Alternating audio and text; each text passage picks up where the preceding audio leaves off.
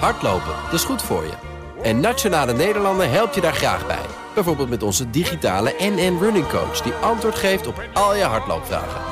Dus, kom ook in beweging. Onze support heb je. Kijk op nn.nl slash hardlopen.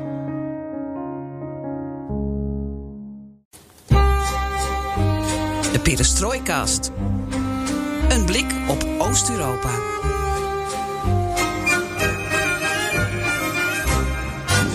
Welkom bij BNR Perestrooikast, aflevering 89 alweer van de enige podcast van Nederland die volledig oog voor het oosten heeft en geeft. Met nieuws, een kijktip, een mop van Joost en een heel bijzonder hoofdgesprek. Want Gert-Jan, we, nou ja, uh, we gaan op reis. Je, je durft nog niet voor je te zien dat jij en ik op reis gaan? Nee.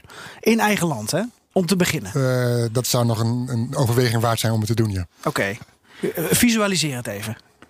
Uh, dan zie ik een Lada Niva. Jij uh, een beetje in de laadbak nog erachter en ik aan het stuur. Hoewel ik geen rijwijs heb, dus dat voorspelt uh, een boel ellende. En, en dan, en dan door de, in die Lada Niva door de Soesterduinen of uh, uh Kootwijkerzand? Ja, of, ja, ja, ja, ja, ja. Voor, driver, dus het moet allemaal goed komen. Oké. Okay. nou ja, we hadden nog een aantal teamuitjes in gedachten. Ik Zeker. geloof dat Tessel bij ons wel op nummer 1 Tessel, staat. Tessel graag, met stip. Ja. Uh, maar er zijn nog tig plekken te bezoeken, wat dat betreft. En uh, daarover gaan we het hebben met Martijn Haan. Hij is de maker van de fabelachtige website oostblog.info. Dag Martijn, fijn dat je er bent. Uh, jij bent onze reisleider vandaag. voorlopig kunnen we nog niet op vakantie naar Centraal of Oost-Europa. En dus doen we dat in ons eigen kikkerlandje. We hebben een heuse perestrooikast meets Oostblog trip samengesteld. Martijn, alvast een tipje van de sluier. Wat gaan we zien? We gaan onder meer zien uh, Stalinistische en modernistische monumenten en architectuur in uh, Nederland. En uh, we hebben wat kosmische, communistische constructies. Mm -hmm. Klinkt nu al spannend, ja, hè? Kosmische ja, constructies. in, in, in Brabant of zo. we hadden. Die, die gaat er weer wat open. En ja, verder zijn er nog een heleboel uh, plekken die uh, refereren aan de Koude Oorlog. Waar je nog uh, dingen ziet uit, van, die nog ja, uit de Koude Oorlog stammen. Mm -hmm. Ja, het leuke is, Martijn, uh, we gaan deze reis ook uh, online zetten.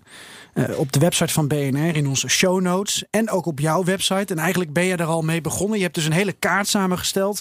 Met al deze categorieën, met allemaal icoontjes. En dan zie je dus dat je eigenlijk heel Nederland best wel mooi gevuld hebt. voor een, een hele vette Hollandse, Oost-Europese roadtrip. Ja.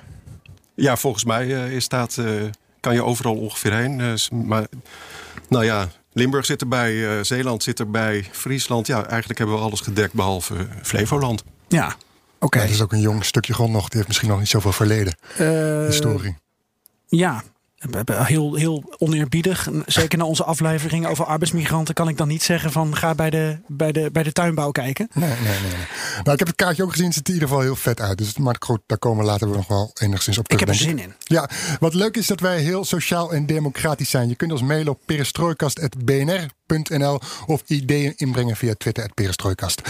En dat hebben onze luisteraars vooraf aan deze uitzending ook gedaan. Zodat we een idee voor deze Oost-Europa-tour door Nederland ook mee kunnen nemen. Ja, nou, er kwam net nog een bericht binnen over uh, uh, Bashkierse invloeden aan de IJssel.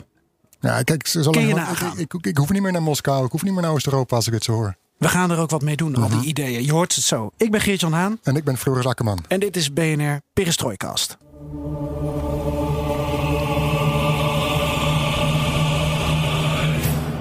Zeg, Floris, als wij samen een week lang in een camper gaan zitten, mag ik dan de film uitkiezen? Nee. Oké, wat voor film wil jij kijken? Nou, ik, uh, ik zou wel Corpus Christi willen zien. Ja.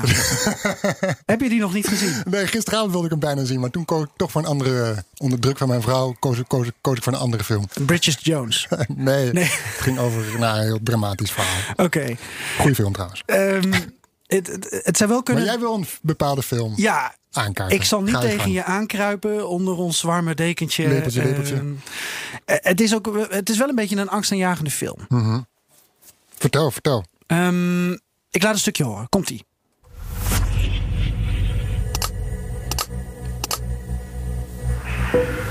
Gdzie pracujesz? W internetach. To? Zdolny, bystry, bezczelny, szybki. Mógłbyś robić tyle innych rzeczy. Mógłbym. Znajdźmy jego czułe punkty. Ale po co? No i proste komunikaty, młody. Na emocjach. Jakieś hasło wymyśl. Ja, dat, dat la, la, uh, Ja. lollipop muziekje, dat maakt het wat minder eng Ik wil net natuurlijk. zeggen, er staat in het draaiboek, eh, dat klinkt best wel eng. Ja, het- dat maakt het weer heel eh Dat is, de, luchtig. dat Dus- is de trailer. Ehm, het is een, een, een, een, een. Ja, het wordt een, een sociale eh, thriller genoemd. Mhm. Ehm, eigenlijk bedoelen ze daarmee eh, een hele enge film. eh, waarin sociale media een enorme rol speelt. Ehm, en het is een film van Jan Komassa, ook van Corpus Heb je Christi. de naam al genoemd trouwens? Hoe die film heet? Hater. Oké. Mhm. En, en in, in het Pools, dan eh, schrijven ze het Engels eh, soms letterlijk uit. Dus dan schrijf je eh, H-E-J-T-E-R. Oké. En het is een film die vorig jaar is uitgebracht. ook wel wat internationale prijzen heeft gewonnen. Mhm. En ik had hem nog niet gezien. En ik ehm, kwam hem tegen. Hij staat nu op Netflix. Eh, En het draait om eh, Thomas Gimza. Dat is een, eh, een student rechter die van de faculteit wordt, wordt geschopt. Van de universiteit. En die belandt in... In, in, in, in een, een werksfeer met online haatcampagnes. En hoe werkt het trollen? Hoe zet je groepen tegen elkaar op? En het is dus heel realistisch gemaakt. En dat maakt het ook zo eng. Want het wordt alsmaar erger en erger. En er raken politici bij betrokken. En als je kijkt naar hoe heden ten dagen er dus lastercampagnes zijn tegen eh, politici of groepen tegen elkaar worden opgezet. Demonstraties op straat met weer antidemonstraties. Dan zie je hoe sociale media daar een rol in kan spelen. En dat is heel goed uitgebeeld in deze film. Eh, goed geacteerd. eh, hele bijzondere film die je niet moet kijken als je daarna direct naar bed moet. Dan moet je echt nog even 20 minuten een of andere lullige quiz zien. Of eh, naar ons luisteren voor wat flauwe grappen van Joost. Eh, Want anders kun je echt niet slapen. Oké, oké. Het escaleert. Maar toch een Vertel niet te veel, zou ik zeggen. Nee, zal ik niet doen. En, en blijft hierbij in jouw campertrip? Eh Quo Vadis Aida wil ik ook nog zien. Ja, eens. Dan, maar vinden we elkaar. Het schijnt ook verschrikkelijk te zijn om naar te kijken. Dus ook niet romantisch. Mhm, Dus hoe wij nou eh, romantiek in de camper moeten gaan creëren, daar ben ik nog niet over uit. Hmm. Kaarsje? Eh, daar heb ik wat voor. Namelijk? Als we toch in eigen land eh, gaan rondreizen, dan moet je. En we gaan over de gebouwen en architectuur hebben, maar dan speelt ook natuurlijk gevoel bij. Het moet gezellig worden. Dus komt ie. Oh, nou ga je iets uit je tas pakken. Ik ben heel benieuwd wat je bij je hebt. Een fles. Voor jou, cadeau. Een fles voor mij. Ja, Van de Rape District. Eh, juist. Ja, de Great District. Maar bij ons in Utrecht is... Dit is echt waar. eh Martijn, jij woont ook in Utrecht. Eh, je hebt er eentje tegen de stad aan. En al jaren ehm, is, die, eh, is Grape District... dan zijn de letters verlicht. Maar de G is uitgevallen. En dat staat natuurlijk best wel eh, lullig. Dus ik herken de fles gelijk. Ja, de fles Ehm, niet. De nee. verpakking. Wat zit erin? Ja, maar dan open, jongeman. Wat, wat, wat is de gelegenheid? En gewoon lol, plezier in het Dat wij leven. op vakantie gaan. Gewoon plezier, lol in het leven. Hou jij van, eh, van, van verteren. reizen met de camper? Martijn? Nee, Of ik? eh, ja, jij? Eh, nou ja, ik, ik niet. Ik heb nooit gedaan. Oh. Maar Martijn, hou jij van reizen in de camper? Dat lijkt me hartstikke leuk, maar ik heb eh, ook geen rijbewijs. Maar eh, ik zou het eh, graag eens eh, willen doen. ja. Wat krijgen we nou? Ja, dit is eh, Sloveense wijn. Sloveense wijn. Die kun je dus kopen bij de Grape Dis- District. ja. En Sloveense wijn. En dan kom je ook, als je die winkel bij hebt, dan staan die flessen daar. En er staat ook een, een bordje bij waar je hem bij kan drinken. Dus eh er staat drink bij eh, asperges kaassoufflé. Van de Febo misschien, ik weet het niet. Wat een verschrikkelijke lucht ontstaat er dan in de camper als we kaassoufflés gaan eten. salt in Bocco. Maar de wijnmaker is eh, Danilo Schneider. Ja, ik zie het ja. Uit Ormus, Ormos, Ormos, Slovenië. Ja. En de tekst, hè, het is een Veros Vinogradi Sauvignon Blanc. Eh, eh, en de tekst die erbij staat, eh, niet op de wijnfles, maar zelf in de winkel, te, qua beschrijving. Het voormalige Oostblok roept misschien nog steeds het beeld op van steenkolenmijnen, grauwe gebouwen en goedkope auto's. Dat dit onterecht is, bewijzen drie jonge wijnbouwers uit Slovenië die waanzinnige wijn maken volgens de meest vooruitstrevende technieken. Ja. Hun succes wordt door allerlei wijncritici volmondig bevestigd. Maar om van dit Sloveense succes te kunnen leren, zullen veel West-Europese wijnboeren eerst, echter eerst een internetverbinding moeten aanvragen. Interessante, begeleidende tekst. Ja, precies. Vol met vooroordelen en, en, en af en toe wat waarheden misschien. Ja, ja. Dus, uh, maar goed, uh, ze hebben meer Sloveense wijnen. Verus. Ja. En dan draaien ze die R weer om, alsof dat een Russische ja is. En, maar dan snappen die mensen ook toch niet dat, dat je dat, die associatie niet moet maken? Ja, uh, Sloveens heeft gewoon uh, Latijn schrift. Ik weet niet wat ze hebben bedacht, uh, de heer Schneider, om dit zo vorm om te dit geven. te vermarkten. Ja, misschien is dat Grape District. Maar goed, graag een recensie van deze wijn in de volgende aflevering. Hartelijk dank. Voor, voor wijn bij geen gelegenheid. Ja, Sloveense wijn. Oké. Okay. In opmars. Het nieuws van de afgelopen week. Volksliederen graag.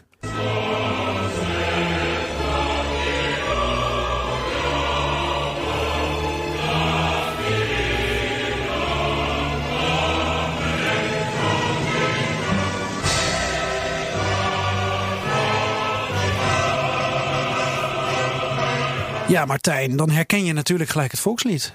Zeker, zeker. Doe gok. Wit-Rusland? Mm. Nee, nee. Het is uh, Bulgarije. Daar gaan we het over hebben. Mag je wel, heb je een favoriet gebouw in Bulgarije? Ja, zeker. Ja, in uh, Sofia heb je het Cultuurpalast. En dat is wel echt. Uh, dat moet je absoluut gaan kijken als je daar ooit nog weer eens terecht komt. Ja. ja, dat is wel een goede vraag. Ook naar binnen gaan, want het interieur is ook echt fantastisch. Oké. Okay. 70s design. Ik wil er nu al heen. Ja, eigenlijk op locatie moeten doen misschien wel deze aflevering. In zo'n gebouw. Zeg ja, maar we komen Bulgarije toch niet in? Nee, maar in Nederland bedoel Ja, nou ja, voor, de, voor de volgende keer. Ja, ja, ja. Martijn, kan je de microfoon nog iets naar je toe halen? Uh, ja. Ja, top. Dan hebben we gelijker geluid. Over Bulgarije gesproken dus. EU en NAVO-lid. Um, Bijzonder interessant wat zich daar nu eventjes afspeelt. Binnenkort zijn de parlementsverkiezingen op 4 april. En er is nu een groot uh, spionageschandaal. Spionageschandaal? Uh, spionage Spionage, pardon. Spionageschandaal. Ja, spion. Spion.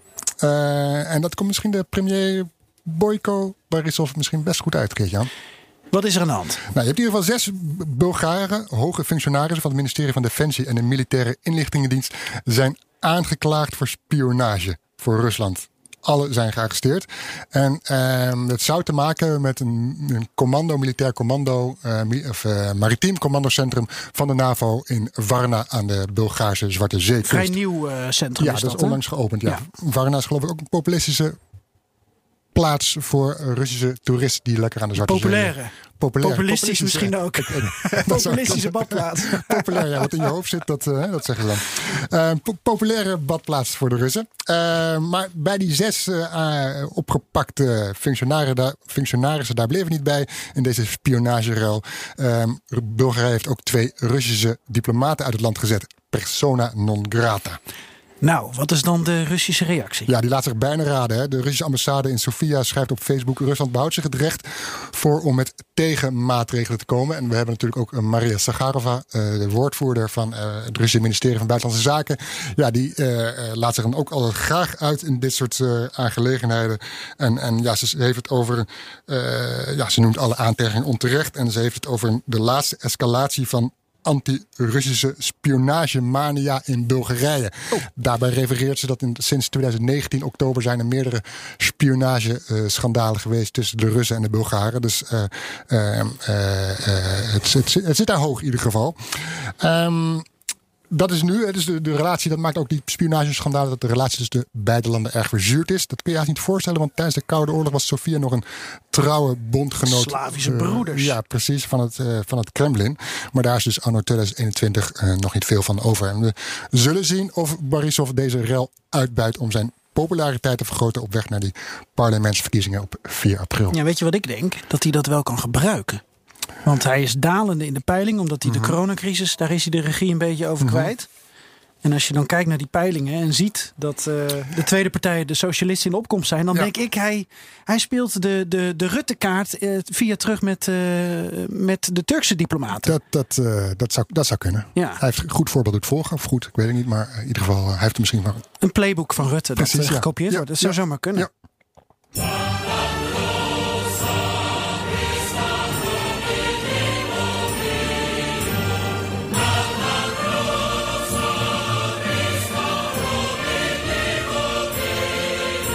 Over verkiezingen gesproken.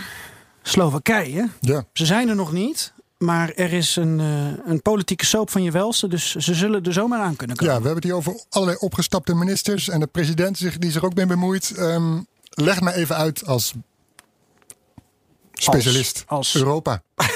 Toch? EU-commentator, Europa-commentator. Op het moment van de opname leg zeg ik erbij. druk, eh, op je. Ja, nou, eh, eh, we nemen dit op op donderdagochtend. Dus op dit moment weten we dat zes ministers uit het kabinet van premier Igor Matovic zijn opgestapt.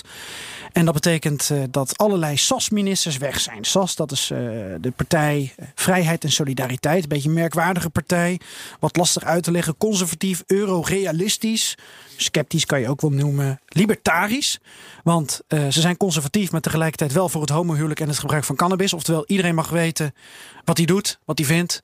Ehm, maar voor de rest moet je wel een beetje, beetje conservatief blijven natuurlijk. Nou goed, eh, niet te lang daarover. Ja, maar je wilt het wel hebben over de premier van Slowakije. Nou, eh, kijk, Matovic heeft er wel voor gezorgd dat die zes ministers van SAS zijn opgestapt. Die vinden dat Matovic namelijk te ver gaat. En het is dus een soap, want eh, de partij van Matovic is Olano. En er zijn nog twee coalitiepartijen in dit centrumrechtse kabinet in Slowakije. Je hebt er vier. En even terug naar zondag 21 maart. Toen zei de premier Matovic: Ik wil best opstappen als premier, maar ik ga niet weg uit de regering. Dan wil ik minister worden. Dus hij wil met poppetjes en posities schuiven. Daar zijn de coalitiepartners niet van gediend. Ook een andere die zegt: Als er eind van deze week geen oplossing is, stappen wij uit de regering. En nu heeft ook presidente Susanna Chaputova gereageerd. En zij zegt. ehm, ik heb Matovic gevraagd om op te stappen. Vandaag zeg ik tegen u, de pers, publiekelijk, wat ik vorige week ook tegen hem persoonlijk zei, dat hij zijn ontslag moet indienen, zodat we aan een goed functionerende regering kunnen werken. Dus eigenlijk neemt de druk enorm toe op hem. Ja, maar wat, ik heb het even gemist hoor. Misschien heb ik niet goed geluisterd. Misschien Martijn wel. Ehm, maar wat is nou eigenlijk de oorzaak van deze rel? Waar gaat het nou eigenlijk om? Het gaat om eh, eigenlijk de, zijn optreden in de coronacrisis. En in eerste instantie was hij de man die van Slowakije één groot coronatestland maakte. Ja. Alles en iedereen moest wekelijks bijna worden getest. We hebben er ook nog een eh, aflevering aan besteed. Maar vrij recent eh, heeft hij op eigen houtje eh, een bestelling van Sputnik V, het Sputnik-vaccin, bij de Russen geplaatst. Ja. Zonder te overleggen met de coalitiepartners. En dat, daar zal hij ongetwijfeld goede bedoelingen bij hebben gehad. Maar het is niet zo diplomatiek. En we weten hoe gevoelig eh, vaccinpolitiek en diplomatie momenteel is.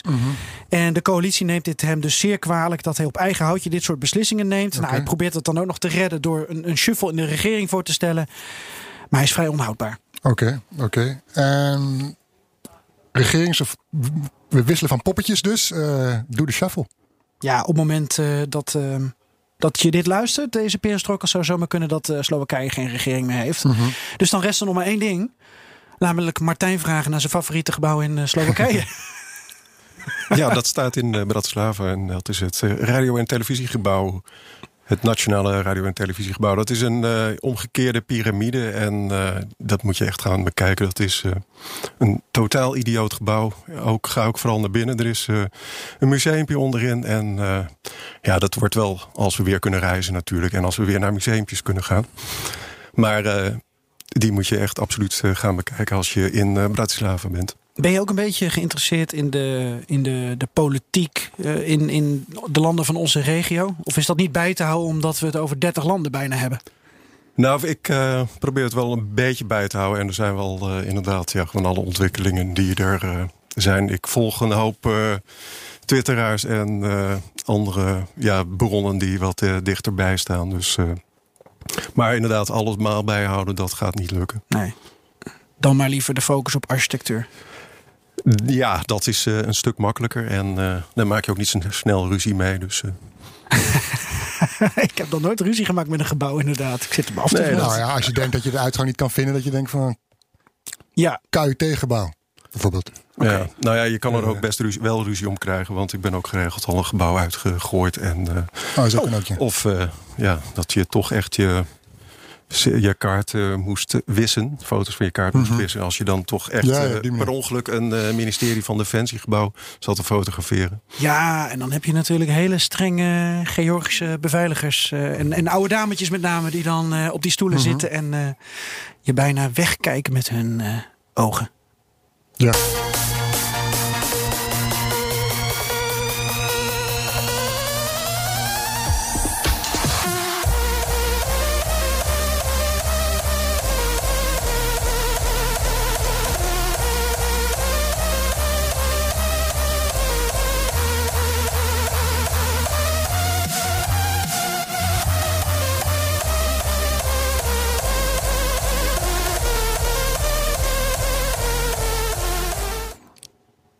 Ik ben helemaal verslag.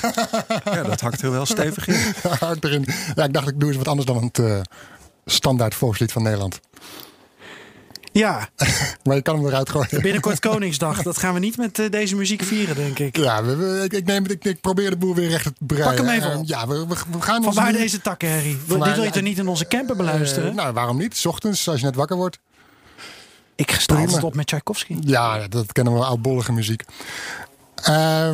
Ehm even terug, terug naar. Ja, we al maanden, we kunnen niet op reis. Het, het, het, we zitten vast aan ons Nederlands. Al gaan onze gedachten uit naar Liepia in, in, aan de Oostzee, aan Mariupol uh, in Oekraïne of aan Moskou. Jij wilde uh, naar Jerevan. Uh, Jerevan gaat ook niet nog door. eens. gaat niet door. Ja, kan wel niet. nog even in de ijskast. Um, blijf thuis is volgens Rutte het, het adviseert onze premier. Um, dus ja, Geert-Jan, daar hebben we wat op gevonden. Ja, we geven daar gehoor aan, maar op onze eigen manier. Met een Oost-Europa-tour door Nederland. Mm -hmm. En ik heb hier heel veel zin in.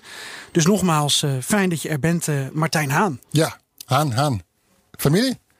Nee, want jij bent Martijn op zijn Nederlands, hè? Dat klopt. Ja. Uh, ik ben another brother from a German mother met de achternaam van zijn vader. Mm -hmm. Oké. Okay. Voor de duidelijkheid. Uh, Martijn van Oostblog.info. Je bent de uitdaging aangaan om met ons en voor ons en vooral voor alle luisteraars een mooie reisroute samen te stellen. Um, allereerst even iets meer over jezelf. Wie ben je? Wat doe je? Hoe laat sta je op? Uh, wat eet je s'avonds? Met welke muziek? ja. Ja, ik sta op uh, om uh, acht uur over het algemeen. Met een vrij saaie wekker. Nee, uh-huh. Ik ben uh, Martijn Haan en uh, ik uh, ben sinds een paar jaar bezig met oostblog.info, een website over ja, architectuur, de geschiedenis en reizen in Oost-Europa en de voormalige Sovjet-Unie. Um, ik fotografeer veel daar en ben er veel op reis geweest.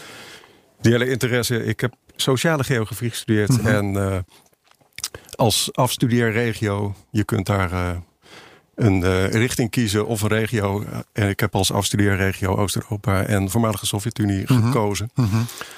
Wat op zich ook best wel een goed idee was, want ik begon in 89 uh, te studeren. En uh, ja, toen ging het allemaal best snel daar in die kant. Um, met het uiteenvallen, het, de val van de muur, het uiteenvallen van de Sovjet-Unie en Mhm. alles wat daarbij kwam kijken.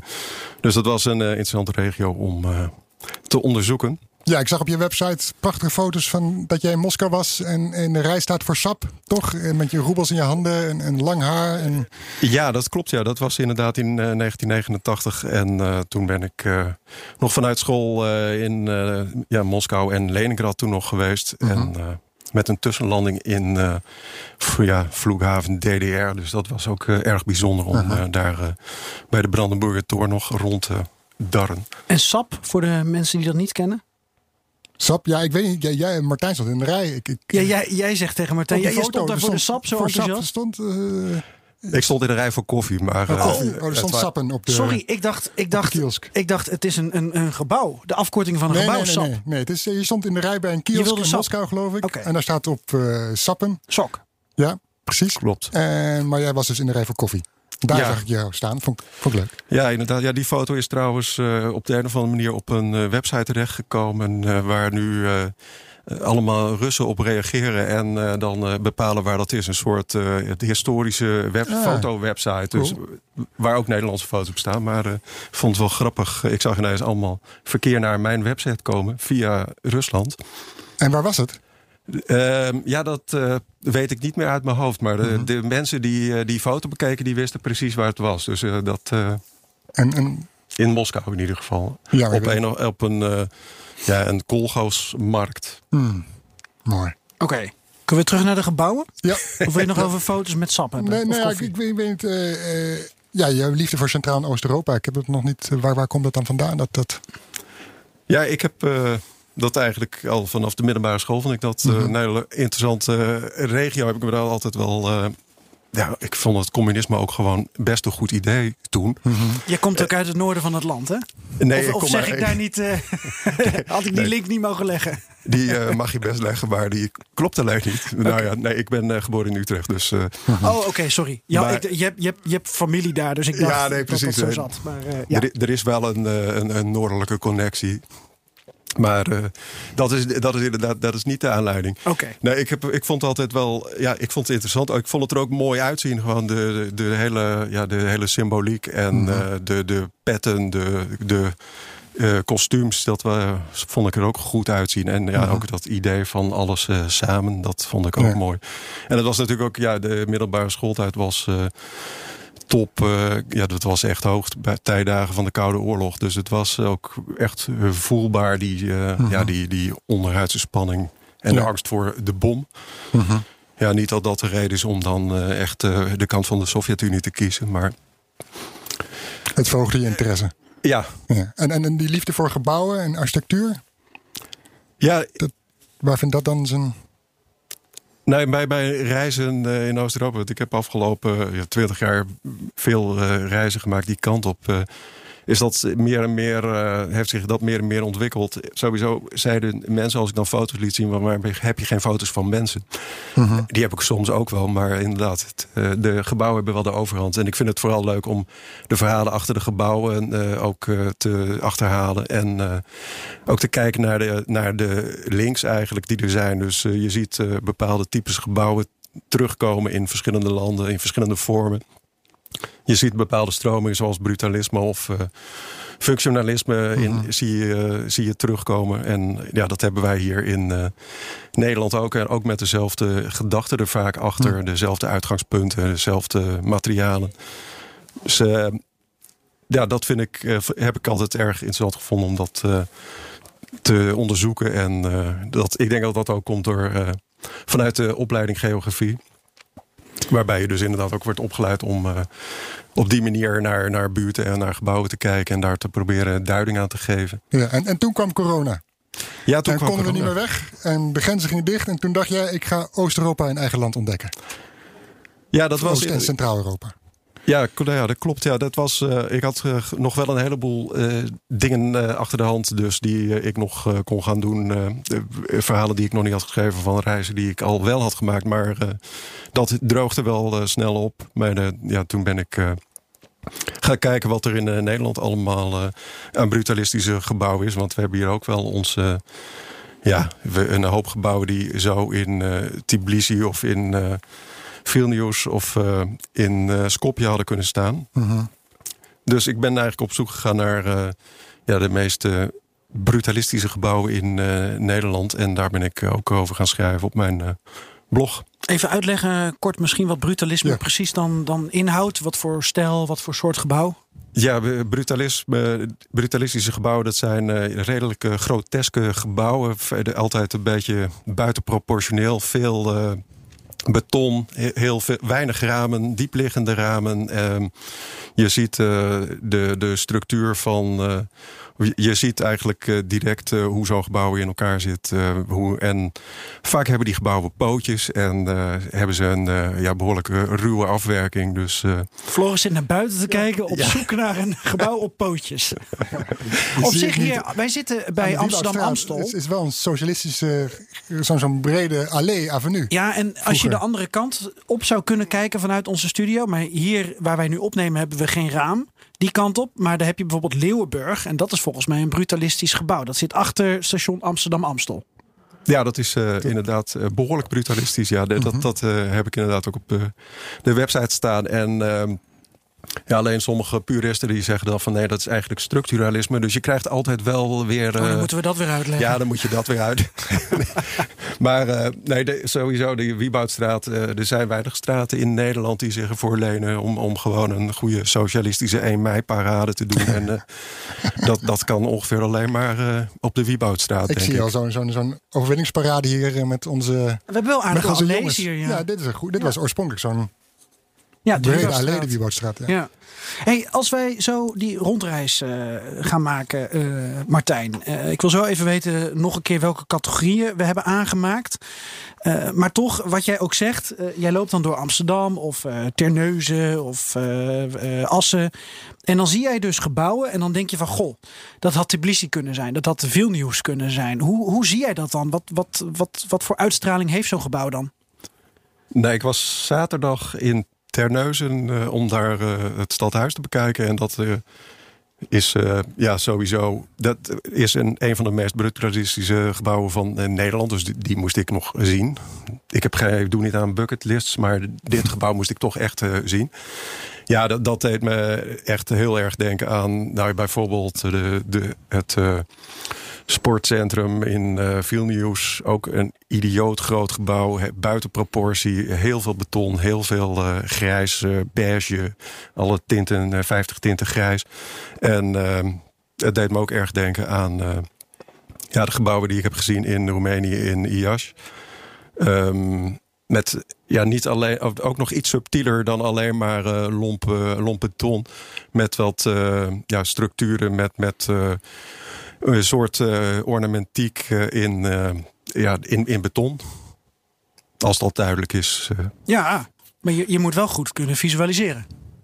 Je moet het wel een beetje kunnen visualiseren. Al, ja. Ja, Pak je een foto van jasje bij en dan denk je van ja, dat zou wel. Uh, hè, Roemeense beton is dan net iets sierlijker dan uh, gewoon beton.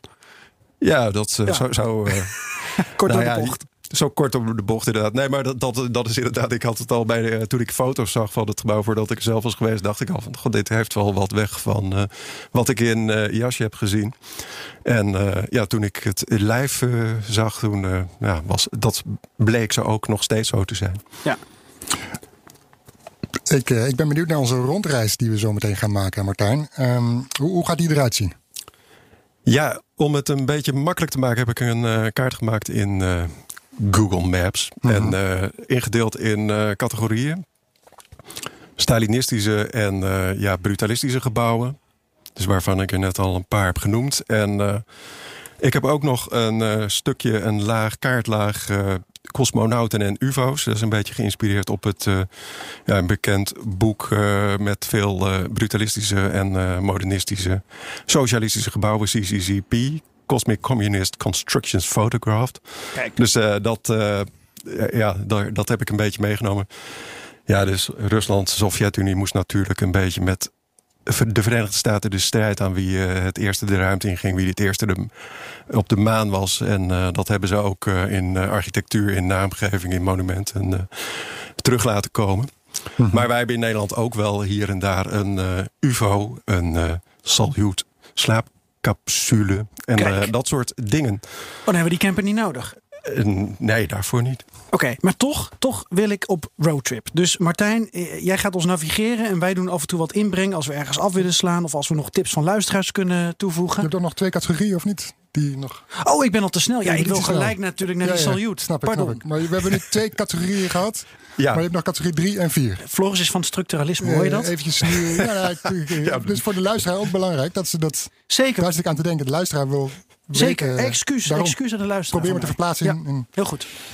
Ja, er zijn nog twee andere categorieën. Oostblok in Nederland. En dat uh, nou ja, hebben we vrij ruim ingevuld. Dat gaat om uh, plaatsnamen die ook uh, refereren aan nou, bijvoorbeeld Moskou hebben we in Nederland. We hebben een uh, Petersburg. En we hebben een Harmen en Sikkelaan. En uh, ja, verder hebben we nog een heleboel uh, erebegraafplaatsen. Dus dat valt allemaal daaronder. Mm -hmm. Dus een behoorlijke, er zijn al wel 25 uh, plekken die je kunt bezoeken.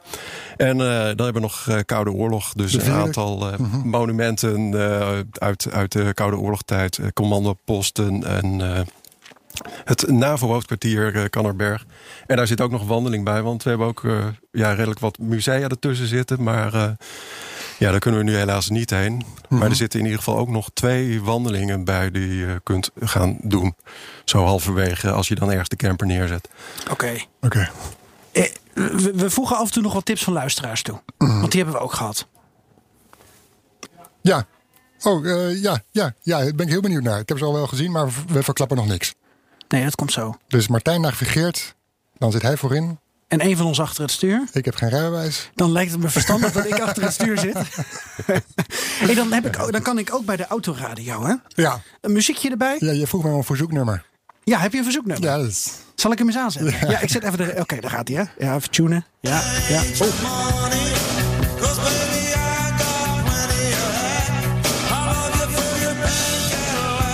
Krijg alleen die volumeknop niet zachter.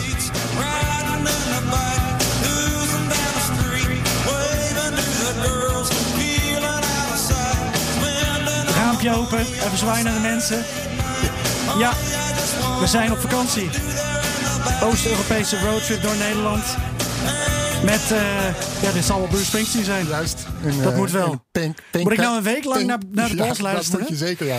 Pink. Cadillac. Gaan we toeren door, door, uh, door het land. In het Pink Cadillac? Ja. Oké. Okay. Blijven naar de, naar de vrouwen. Martijn, waar, waar, beginnen we? ja, laten we beginnen uh, in Zandvoort. In Zandvoort. Oh, oh, die zag ik niet dat is leuk. Daar zag ik niet aankomen. Daar, daar, daar heb ik vloggers net opgepikt, dus dat is handig. Daar zijn we. Oké. Okay. Oh, vertel. Dus, dus, maar vloggers, wil jij dingen binnen je eigen regio dan eerst bezoeken? Of wil je gelijk het hele nee, land? Nee, ja, Martijn wil... Nee, ja, ik, ik, weet niet wat hij wil zeggen. Ja, Martijn navigeert. Je hebt gelijk. Ja, ja goed. Um, we kregen via Twitter een uh, tip uh, van uh, een luisteraar of een kijker of een volger die bij erop wijst dat er ook in. Nou ja, de, er is een grote Georgische opstand geweest op uh, Texel. Dat is van Georgische soldaten die meevochten met de nazi's. En die zijn in opstand gekomen tegen de Duitsers. zijn 450 Duitsers vermoord in één nacht door 800 Georgiërs. Maar die Georgiërs die zaten eerst in Zandvoort gelegerd. En dat wist ik helemaal niet. En ik, wat ik ook helemaal niet wist, is dat die dus samen zijn gekomen om met mensen van het verzet en van de Communistische Partij Nederland in 1944 al uh, zijn ze al bezig geweest om hier dus. Ja, dit, dit uh, voor te bereiden en te kijken hoe ze dit uh, konden gaan uh, aanpakken. En daarvoor zijn ze bij elkaar gekomen in een café ergens in Haarlem. -hmm. Dus ik weet niet precies of dat café er nog is en of het nog bestaat. Maar ik vond het wel een, een, een, een mooi verhaal. En ook om ja, te zien dat dat. dat eigenlijk nog een veel langere voorgeschiedenis had. En dat ook de Communistische Partij en het Nederlands Verzet betrokken was bij die opstand in Georgië. Ja. Of in Georgië, op Texel van de Georgiërs. Daar kunnen we ook heen. Daar kunnen we ook komen heen. Komen we dan nog andere dingen tegen in de kop van Noord-Holland? Ja, daar, daar komen we nog een heleboel dingen tegen. Uh, we hebben ja, in uh, Bergen, als we die kant op gaan, uh, dat is ook leuk. Want als we dan toch ja, door in Nederland wat Russisch willen zien, dan moet je naar Bergen gaan. Want daar is een stukje Russisch grondgebied. Daar is in de 18e eeuw een uh, slag geweest tussen uh, ja, de Kozakken, die samen met de Engelsen tegen de Batavieren en uh, de Fransen vochten. En er zijn ja, echt bijna 2000 Russen omgekomen, die liggen daar begraven. Daar is een Kozakkenmonument voor. En ook ja, gelegen aan de Russenweg. En dat stukje grond is uh, dus ook overgedaan aan de, de tsaar ergens begin vorige eeuw. Dus dat is uh, ook officieel Russisch grondgebied. Nog -hmm. steeds schijnt het. Dus uh, dat is wel ja, leuk om even langs te gaan en te gaan kijken. Ja, ik kan me nog herinneren, ik was, was een paar jaar geleden in Tuitje Hoorn. Dat is echt een beetje dezelfde hoek. Uh, bij een boerencamping. Ik ging s ochtends uh, uh, koeien melken. En toen liep ik dat dorpje... Logisch. ik, liep, ik, wilde vroeger, ik wilde vroeger boer worden. En toen liep ik dat dorpje uit en dan kwam je bij een open veld. En daar stond een bordje dat daar Russische soldaten in die tijd... In, eind 18e eeuw, of eind 19e eeuw, wat is het nou? ik ben het even kwijt. Eind 18e eeuw. daar bivakkeerden. Dus toen fascinerend dat de Russen zich daar helemaal belanden. Ja, maar ga door. Ik denk dat Martijn die uh, spoedig aan de kaart gaat uh, toevoegen. Als jij daar nog. Uh, kan je er nog dingen van zien? Nee, ja, ik heb op Google Satelliet, satelliet gekeken, maar ik kon er niets. Oh, ik zag daar dan niks van. Dan wordt het wel een, een lastige. Maar ja. ik zag nog wel daar in de buurt, en dat vind ik wel een hele leuke, een kunsttuin. Kunsttuin Nederlands Kremlin. Ja. Wat is dat?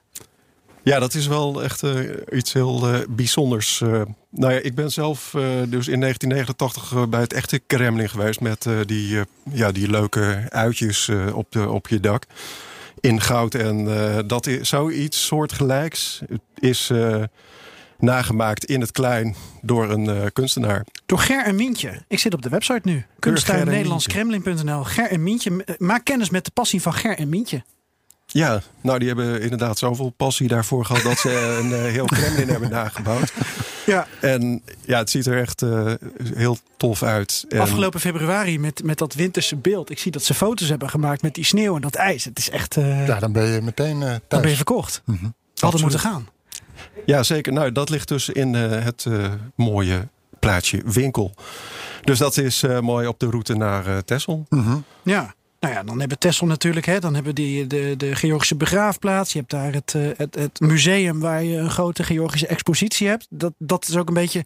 Hè, en de Atlantiekwal, dat is waarom Floris en ik nog graag Ja, je hebt die ook- kant op je hebt zouden ook willen. een camping, die heet de Krim. Ja, Dus dan kun je ook nog op de Krim zitten. eh, ja, maar Een beetje camper. Ehm, eh, eh, Martijn, dat is misschien een mooi bruggetje gelijk. We hebben toch ook elders in het land een, de, de, de Krim. En wij vragen ons al tijden af, hoe zit het nou met... Want je had het net ook over Moskou en Petersburg. Je hebt ook een Polen in Nederland en, en zelfs in Amerika. Maar hoe zit het nou met die namen? Waarom, waarom wordt iets de Krim genoemd? Of waarom wordt iets Moskou of Siberië genoemd?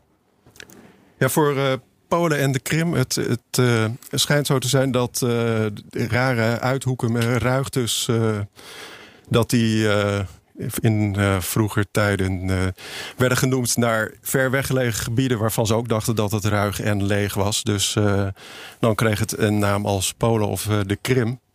En er zijn ook weer andere ja, stukjes die weer een andere ontstaansgeschiedenis hebben. Je hebt in Friesland Petersburg. En dat is gewoon genoemd naar een eh, café-eigenaar die eh, daar eh, die Peter heet. En die Oh. gewoon zijn landerij daar, of dat stukje Petersburg noemde.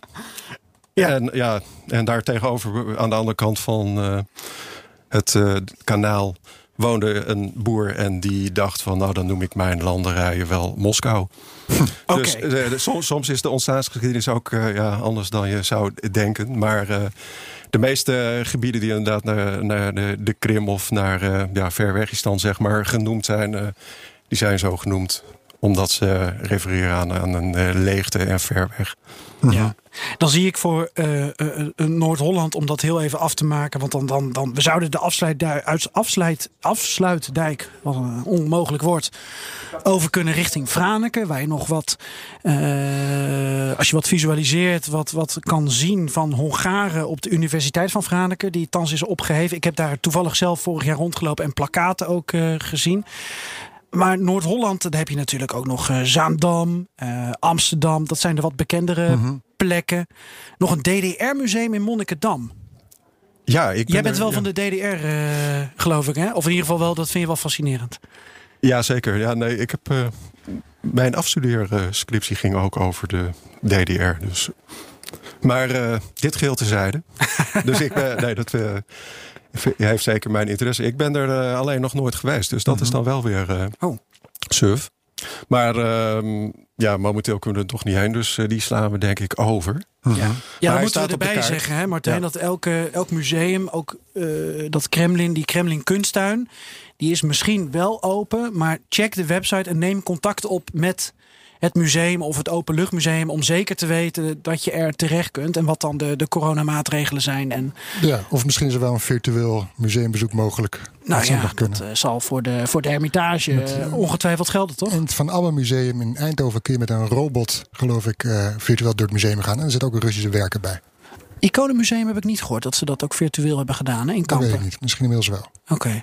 Zullen, we, zullen we naar die categorieën kijken en dan gewoon telkens eentje uitlichten? Mhm. Ja, ja, voor een beetje structuur. Waar, waar wil jij mee beginnen, Floris? Want ik rij. Dus jij zit op de achterbank, jij zit te zeuren, jij moet plassen. Je, Nou, je wil dat ik eh, eh, de Bruce Springsteen weer aanzet. Nou, die, die oorlog en koude oorlog, die ken ik nou wel. Ehm, Oké, dus klaar. ik, ik, wil het graag hebben over die, ja, het brutalisme, die architectuur. Wat je eh, daarvan terugziet in Nederland. Nou, dat kan. Dan eh, gaan we.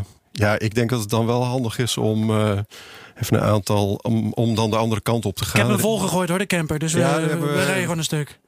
Prima. Nou ja, ik, ik zou dan toch eerst eh, naar Delft rijden, naar het universiteitsterrein. van- om daar de aula, het aula congrescentrum van de Technische Universiteit te bekijken. Dat is een soort, eh, ja, een betonnen kikker lijkt het, eh, met eh, op echt eh, pootjes en het ziet er vrij koddig uit. Het, is- het doet mij erg denken dus eh, aan, aan eh, nou ook weer het sportcentrum in eh Vilnius en eh, aan eh, het auditorium in eh, Tbilisi. Ja, ook wel een beetje een ruimteschip. Of komt dat door die pootjes?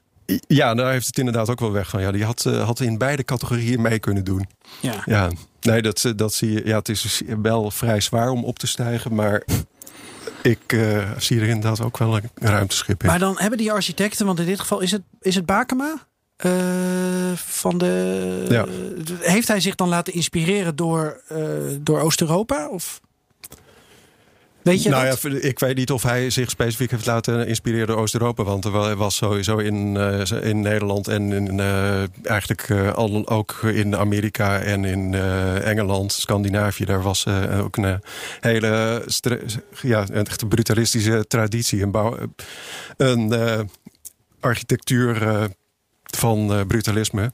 En dat was allemaal, ja, dat hebben we hier in Nederland ook eigenlijk veel uh, wederopbouwarchitectuur en uh, flats die weer massaal werden gebouwd in, ja, in, in plattenbouwstijl. Dat, dat hebben we hier ook. maar de, dat brutalisme is, is ook een stroming die gewoon wereldwijd vertegenwoordigd is. En mhm. die je dus ook overal terugziet. Maar die wel geassocieerd wordt echt met Oostblok. En daarom is het wel ja, tof dat wij hier in Nederland ook nog een aantal echt goede, goede voorbeelden hebben. Oké, Delft, Floris. Daar zijn we nu. Ja. Wil je nog, uh, nog iets in deze categorie? Ja, nog eentje. Nou ja, dan uh, moeten we echt wel even een flink uit doorrijden. Maar dat is uh, op zich ook wel ja, lekker. We, we zetten de muziek aan. Ja, het Stadhuis ter Neuzen, dat is ook echt een enorm ding. Dat is, uh, staat op de dijk daar. Uh, dus uh, het is geïnspireerd op een schip. En van Bakema uit in 1972 en 70 jaar. Dat was wel echt een beetje de hoogtijdagen van het brutalisme. En ja, dit gebouw dat zou je eerder verwachten in Macedonië of Roemenië. Ja. Of Vilnius. Oké. Ik heb genoeg gereden. Ja. Uh, nou ja, nee, want ik wil, ik wil naar een slaapplek, maar ik, ik wil even niet in die camper. Ik wil toch in die, sal, in die, die saljut. Ja, dan. Uh, hoe werkt dat? Een, een saljut-capsule? Ja, hoe werkt dat? Nou ja, in Nederland. Wat, ja. hoe ver moet ik nog doorrijden? Waar, waar staat die? Die staat in uh, Ewijk. Oh. ergens in het uh, rivierengebied. Oh, oh ja, het is wel. Ik, oh, dan moet ik het hele land weer door. Oké. Maar we hebben de tijd, toch? Vakantie. Ja, komen, komen ik heb de hele kop van Noord-Holland al gezien en ik kom uit Zeeuws-Vlaanderen en dan moet ik naar uh, richting Nijmegen. Ja, voor, voor, voor reizigers Centraal- en Oost-Europa zijn de Nederlandse afstanden natuurlijk niks. Oké, maar dat is. Dat, en de wegen zijn ook beter. Precies. Dat, dat is een drijvende luxe slaapcapsule. En Saljut, wat, wat is het verhaal erbij? Wat weet je ervan? Het uh, verhaal erbij is dat, dat uh, dit een uh, soort ontsnappingscapsule was voor, voor een boorplatform. En dat ze dat ja, dus deze mensen die dit uh, nu uh, runnen, die uh, hebben dat omgebouwd tot een luxe slaapcapsule. En ze noemen het de Salyut, terwijl het nou, niet echt Russisch is helaas. Maar het ziet er mhm. wel echt super Russisch uit. En daar gaat het ook om. Um, het is ook een beetje geïnspireerd op uh, een, een, James Bond film... waar die eindigt uh, dat uh, James Bond met zijn liefje in een... ja, ook zo'n soort capsule zit... en daar dan heel romantisch met een glaasje champagne... romantische dingen gaat doen. Romantische dingen, met, zijn, met de Russische spion. Vast, ja. Mooie vrouw. Nog even terug naar Amsterdam, als het mag. Maar we hebben dan hier geslapen. Ja, want ik ben, ik ben kapot. Okay. Komen we hier in Amsterdam uit, vlak bij de studio, de Wiebouwstraat. Want daarvan schrijf jij uh, op die kaart, die we dus kunnen zien op oostblog.info en op onze Perestrooikast website op bnr.nl. Uh, eh, daarin schrijf je, die staat vol met Stalinistische architectuur. Wat moet ik me daarbij voorstellen? En waar, waar zie ik dat als ik hier door de Wiebouwstraat loop? Dat zie je vooral uh, aan het, aan het begin aan de andere kant, meer richting centrum. Waar ligt het centrum eigenlijk? Uh, die kant op. Ja, ja nee, dan heb het Voor de luisteraar heel uh, Wij zijn bij Amstel dus, en dan loop je de Wieboudstraat af. En dan ja, kom je ja. bij het centrum uit, toch? Ja. Ongeveer. Nee, en uh, vooral de eerste, de eerste gebouwen direct als je de brug komt. Ik weet even niet hoe dat metrostation daar heet. Maar dat weten jullie vast. Floris? Als oud-Amsterdammer? Ik weet het niet. Ik ben geen Amsterdammer. Oké, okay, dat maakt niet Nou ja, als je van de, in ieder geval aan de, de kop. Uh, daar, daar, heb je het uh, Premsela, het Benno Premsela gebouw en uh, dat, het gebouw er tegenover. Die, die zijn ook echt ja, vrij sober, heel massief met veel zuilen. En je ziet zelfs nou, beelden van Hildo Krop, trouwens de, ja, de beroemde starts kunstenaar die hier heel veel beelden in Amsterdam heeft gemaakt. Maar dat doet ook gewoon hartstikke socialistisch, realistisch aan. Dus het lijkt echt qua, qua geslotenheid, qua omvang, lijkt het heel erg op Stalin-architectuur. Maar dan wel in de Nederlandse een beetje sobere variant. Ja. Oké. En ook breed. Oorspronkelijk was het een brede weg ook, toch? En nu zijn er allemaal uh, boompjes in, in, bermen. Maar oorspronkelijk was het echt een brede... Ja, dat is sowieso ook wel uh, uniek voor Nederland. Inderdaad, mhm. dat je zo'n lange, brede laan hebt met zoveel uh, ja, verschillende bouwstijlen. Um, en ja, er staat ook nog een school. En dat is ja, ook echt heel brutalistisch. Dat is, lijkt haast een Le Corbusier gebouw. Het, dat is het gymnasium, het Cygnus Gymnasium. Ook echt ja, heel leuk om even, even te bekijken. Dus de Wieboudstraat eigenlijk gewoon als je als je het jezelf makkelijk wilt maken, dan kun je gewoon de Wieboudstraat eh, als uitstap op Amstel en dan de Wieboudstraat aflopen richting centrum. En dan kom je van alles tegen. Ja, eh, tot slot, voordat we nog even onze favorieten gaan benoemen. de reacties stromen nog binnen op onze Twitterpagina. Hmm. Ed en Sander Admiraal. Die komt dus met het verzoek of met de vraag: staat het Bashkierse ruitenbeeld in Vezen al op de lijst? Inmiddels wel, zie ik. Hij staat erop inderdaad. Ja, en uh, ja, de Bashkieren, een, een, een Turks sprekend ja, dit verdient volk uit Rusland. Mm -hmm. uh, en dat heeft geloof ik met de tijd van Napoleon te maken. Um, en het is te zien bij de Kozakkenhaven uh, in Vezen. En dat is dus bij die IJssellinie, waar sowieso, wat sowieso de moeite waard is om te bekijken. Omdat uh, als de Russen zouden komen tijdens de Koude Oorlog, dan hadden we daar een heel stuk van Nederland onder water gezet om ze tegen te houden. En dan hadden we daar allemaal bunkers en dergelijke. Dus daar waren we op voorbereid. Hè? Zeker, ja. En dan moesten er 400.000 mensen verhuisd worden. En uh, dan uh, zouden ze een paar dagen opgehouden worden. Ja. Mhm. De Russen. Waar ik benieuwd naar ben, uh, en dan hoor ik graag nog Floris waar jij nog heen wil. Ik wil nog naar Noordoost-Groningen. Een Leninbeeld. Bij Termenbad Nieuwe Schans. Wat doet een Leninbeeld daar? Of is dat een rare vraag als ik communisme en Noordoost-Groningen met elkaar zou associëren? Ja, de, de, de herkomst is wel uh, bijzonder. Uh, er is een, een rijke zakenman van uh, Koop Tjuchem, als ik mij niet vergis, die heeft dat beeld gekocht in de DDR. Het is echt uh, enorm. Volgens mij is het acht meter hoog. Ik heb het zelf al gezien uh, toen het stond aan uh, de kop van het kanaal in Assen voor de, voor de tentoonstelling in het Drents Museum over hm. ja, socialistisch-realistische Sovjetkunst. Dus het, uh, toen stond dat uh, beeld daar tijdelijk. En nu daarna is het weer teruggezet naar Bad Nieuweschans. Maar je moet wel echt... Uh... Ja, ik heb foto's gezien van, van, van een, een, een, een truck met een oplader, een oplegger... waar dan dat Lenin-beeld op zit. Ach, mm oh, je hebt hem bij je. Ja, ik heb Lenin bij me. Dat beeld. niet altijd hoor. maar dan moet je je voorstellen dat door het noorden van Groningen... ineens dus een Lenin-beeld van acht meter mhm. lang wordt getransporteerd. Ja, inderdaad. Ja, ik zag de foto. Het is, echt, ja, het is wel echt een mega-ding. ja. Ongelooflijk dat hij daar is. Maar inderdaad, ja, het is. Uh, Noordoost-Groningen is uh, wel de meest communistische regio van, uh, van Nederland geweest. Daar is ook een staat van beleg geweest. Nou, eind 19e eeuw volgens mij.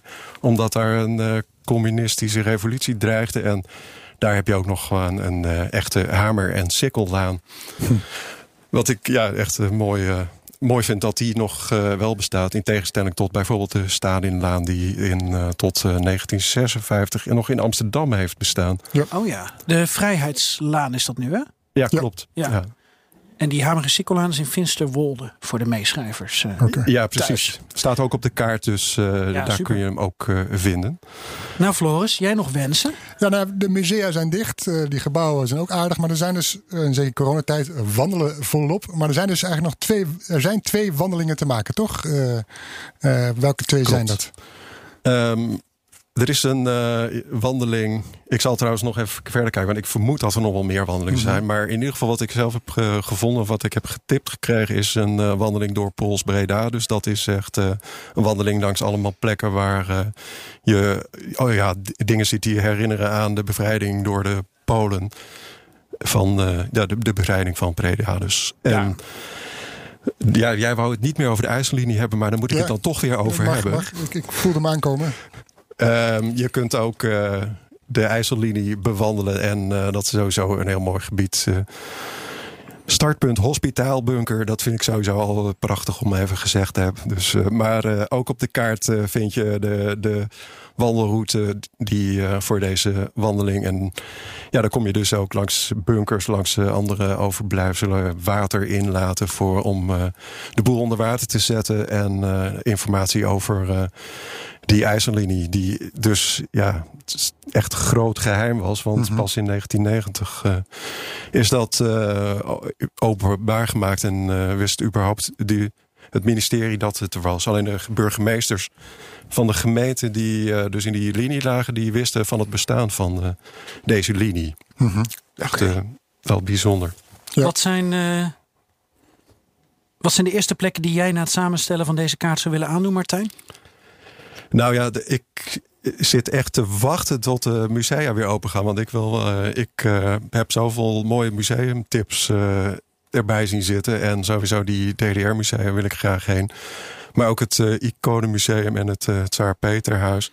En we hebben de Hermitage er nog niet eens bij staan. Wat op zich toch ook wel... Mm die mag ook zo worden toegevoegd. Dus dat lijkt me... Ja, daar wil ik graag heen.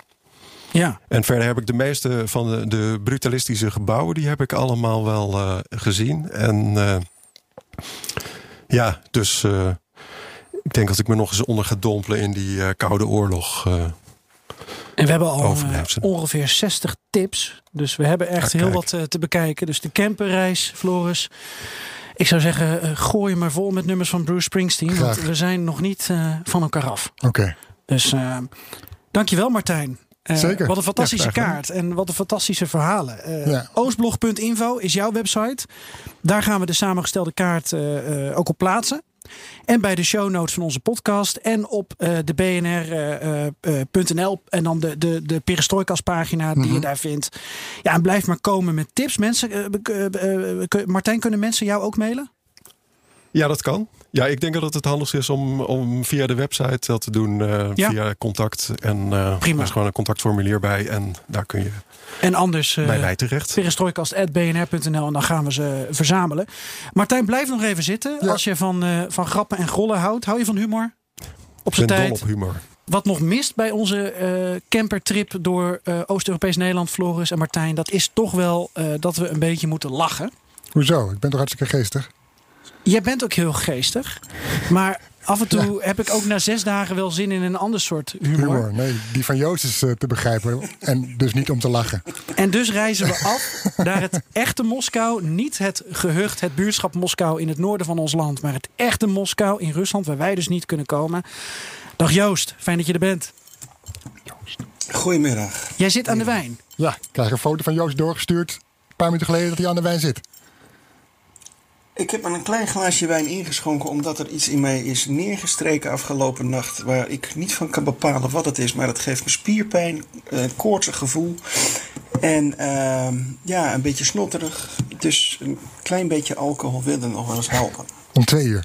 Ter verlichting. Mm Ik dacht altijd... Uh, uh, Om twee uur een apple a day keeps the doctor away. Maar bij jou is het dus uh, ja, alcohol. Heb ik, heb, ik, heb ik al gehad. Heb ik ook al gehad. Maar dat uh, zet er geen, uh, geen doden aan de zijk. Zo Martijn heeft gelijk met het gevoel dat hij in Oost-Europese sferen is beland. Heb je dit gemist, Martijn, het afgelopen jaar?